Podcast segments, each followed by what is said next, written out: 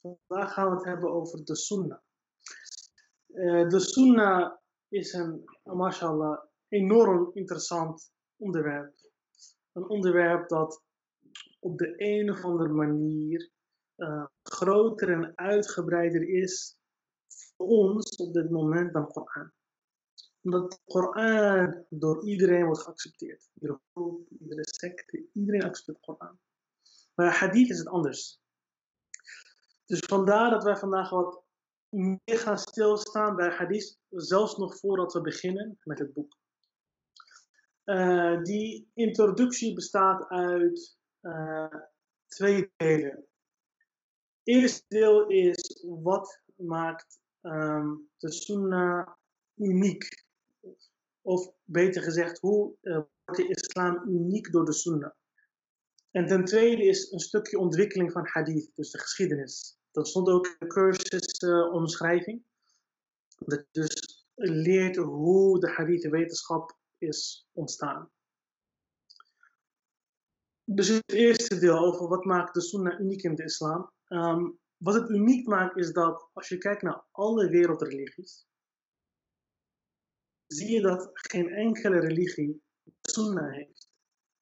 Om een voorbeeld daarvan te geven, de christenen, historisch gezien, is uh, het leven van Isa, salam, Jezus, omstreden. Niet omstreden, maar er zijn zelfs wetenschappers die zeggen: we kunnen niet aantonen dat hij heeft geleefd.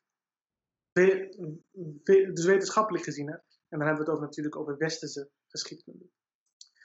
Over de Boeddha, over de Boeddha uh, weten we twee dingen: dat hij is geboren en dat hij is gestorven. Al die andere dingen zijn, ja, die vind je in hun uh, religieuze boeken. Maar hoe betrouwbaar dat is, is een tweede. Musa salam is nog verder terug. Die is nog verder terug.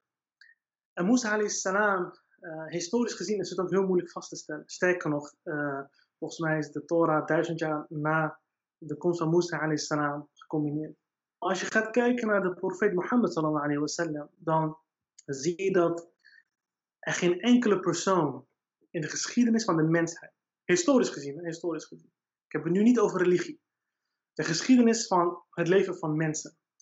Over niemand weten we zoveel als de profeet Mohammed We weten hoe hij zat, hoe hij stond, wat hij zei wanneer hij stond, um, hoe hij lag, hoe hij sliep, hoe hij at, wat hij at.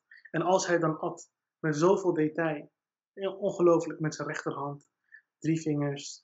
Um, hoe hij eten uitdeelde onder de mensen, hoe hij ging vasten, bidden. Ongelooflijk veel detail. Zelfs, we weten hoeveel grijze baardharen de profeet had sallallahu Heel weinig, heel weinig. Zelfs toen hij 63 was sallallahu Dus dat is heel uniek aan de islam.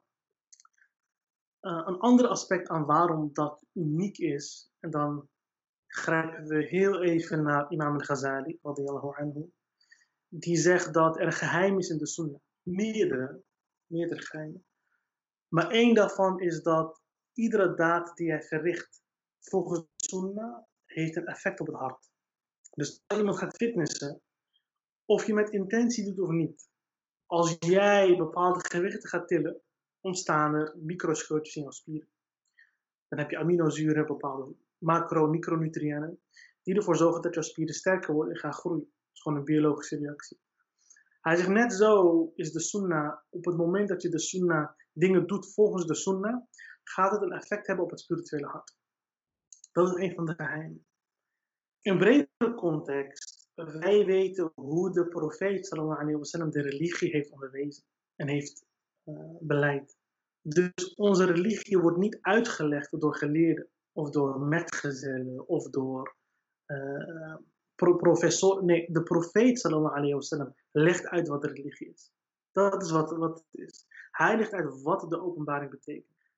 De metgezellen zijn door hem onderwezen en die hebben dat doorgegeven. Dus in die zin ja, de metgezellen en de geleerden zijn onderwijzen de religie, maar uh, zij onderwijzen de religie zoals zij dat hebben doorgekregen van de profeet sallallahu alayhi. En dat is heel uniek. Dat is heel uniek. En daarom zie je dat meningsverschillen bij ons, eigenlijk hebben we niet heel veel meningsverschillen. Maar we hebben hoofdzakelijk twee sectes. Dus je hebt de Shiiten en de Soenieten. Waarbij de Shiiten uh, misschien 10% van de Umma zijn. De Soenieten zijn 90%. Dat is, subhanallah, dat is een hele unieke prestatie als je kijkt naar hoeveel sectes andere religies hebben.